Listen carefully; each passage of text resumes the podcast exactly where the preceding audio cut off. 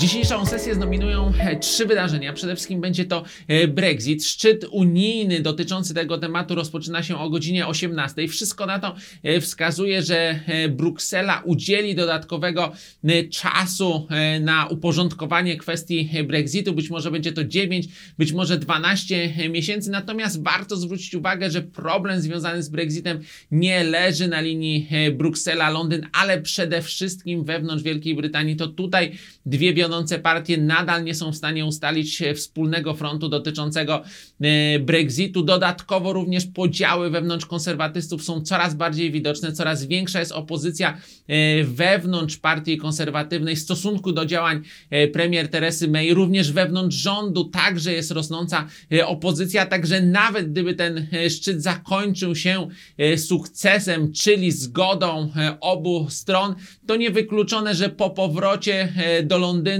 e, sprzeciw e, stosunku do polityki premier Teresy May będzie na tyle silny, że zostanie ona po prostu e, pozbawiona swojego stanowiska, a wtedy y, możliwe jest, że to stanowisko zajmie y, osoba bardziej eurosceptyczna lub zobaczymy y, nowe wybory, nowe przedterminowe wybory, co będzie zwiększać ryzyka polityczne dla Wielkiej Brytanii i również stwarzać presję spadkową na funta. Pozostałe dwa wydarzenia to posiedzenie Europejskiego Banku Centralnego.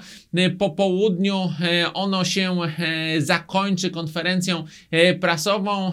Wydaje się, że raczej ten, kon- tej konferencji będzie pesymistyczny, więc niewykluczone, że euro trochę straci na wartości, zwłaszcza, że początek tygodnia był y, optymistyczny, był dobry dla e, wspólnej e, waluty. Z kolei wieczorem mamy publikację minut z, ostatniego posiedzenia rezerwy federalnej. Zobaczymy, czy w tych minut są jakieś głosy dotyczące na przykład e, perspektywy obniżek e, stóp e, procentowych. Jeżeli nie, to być może dolar zyska nieco e, na wartości. E, Także jeżeli, tak jak mówię, te e, wydarzenia poboczne związane z polityką pieniężną będą wspierać dolara, to raczej zobaczymy zakończenie dnia z niższymi kursami głównej pary walutowej. Jeżeli zaś chodzi o sytuację na złotym, to tutaj mamy spokój. Złoty nawet kontynuuje tą lekką aprecjację rozpoczętą na początku tygodnia, także schodzimy poniżej e, poziomu e, 4,2850 na rozpoczęciu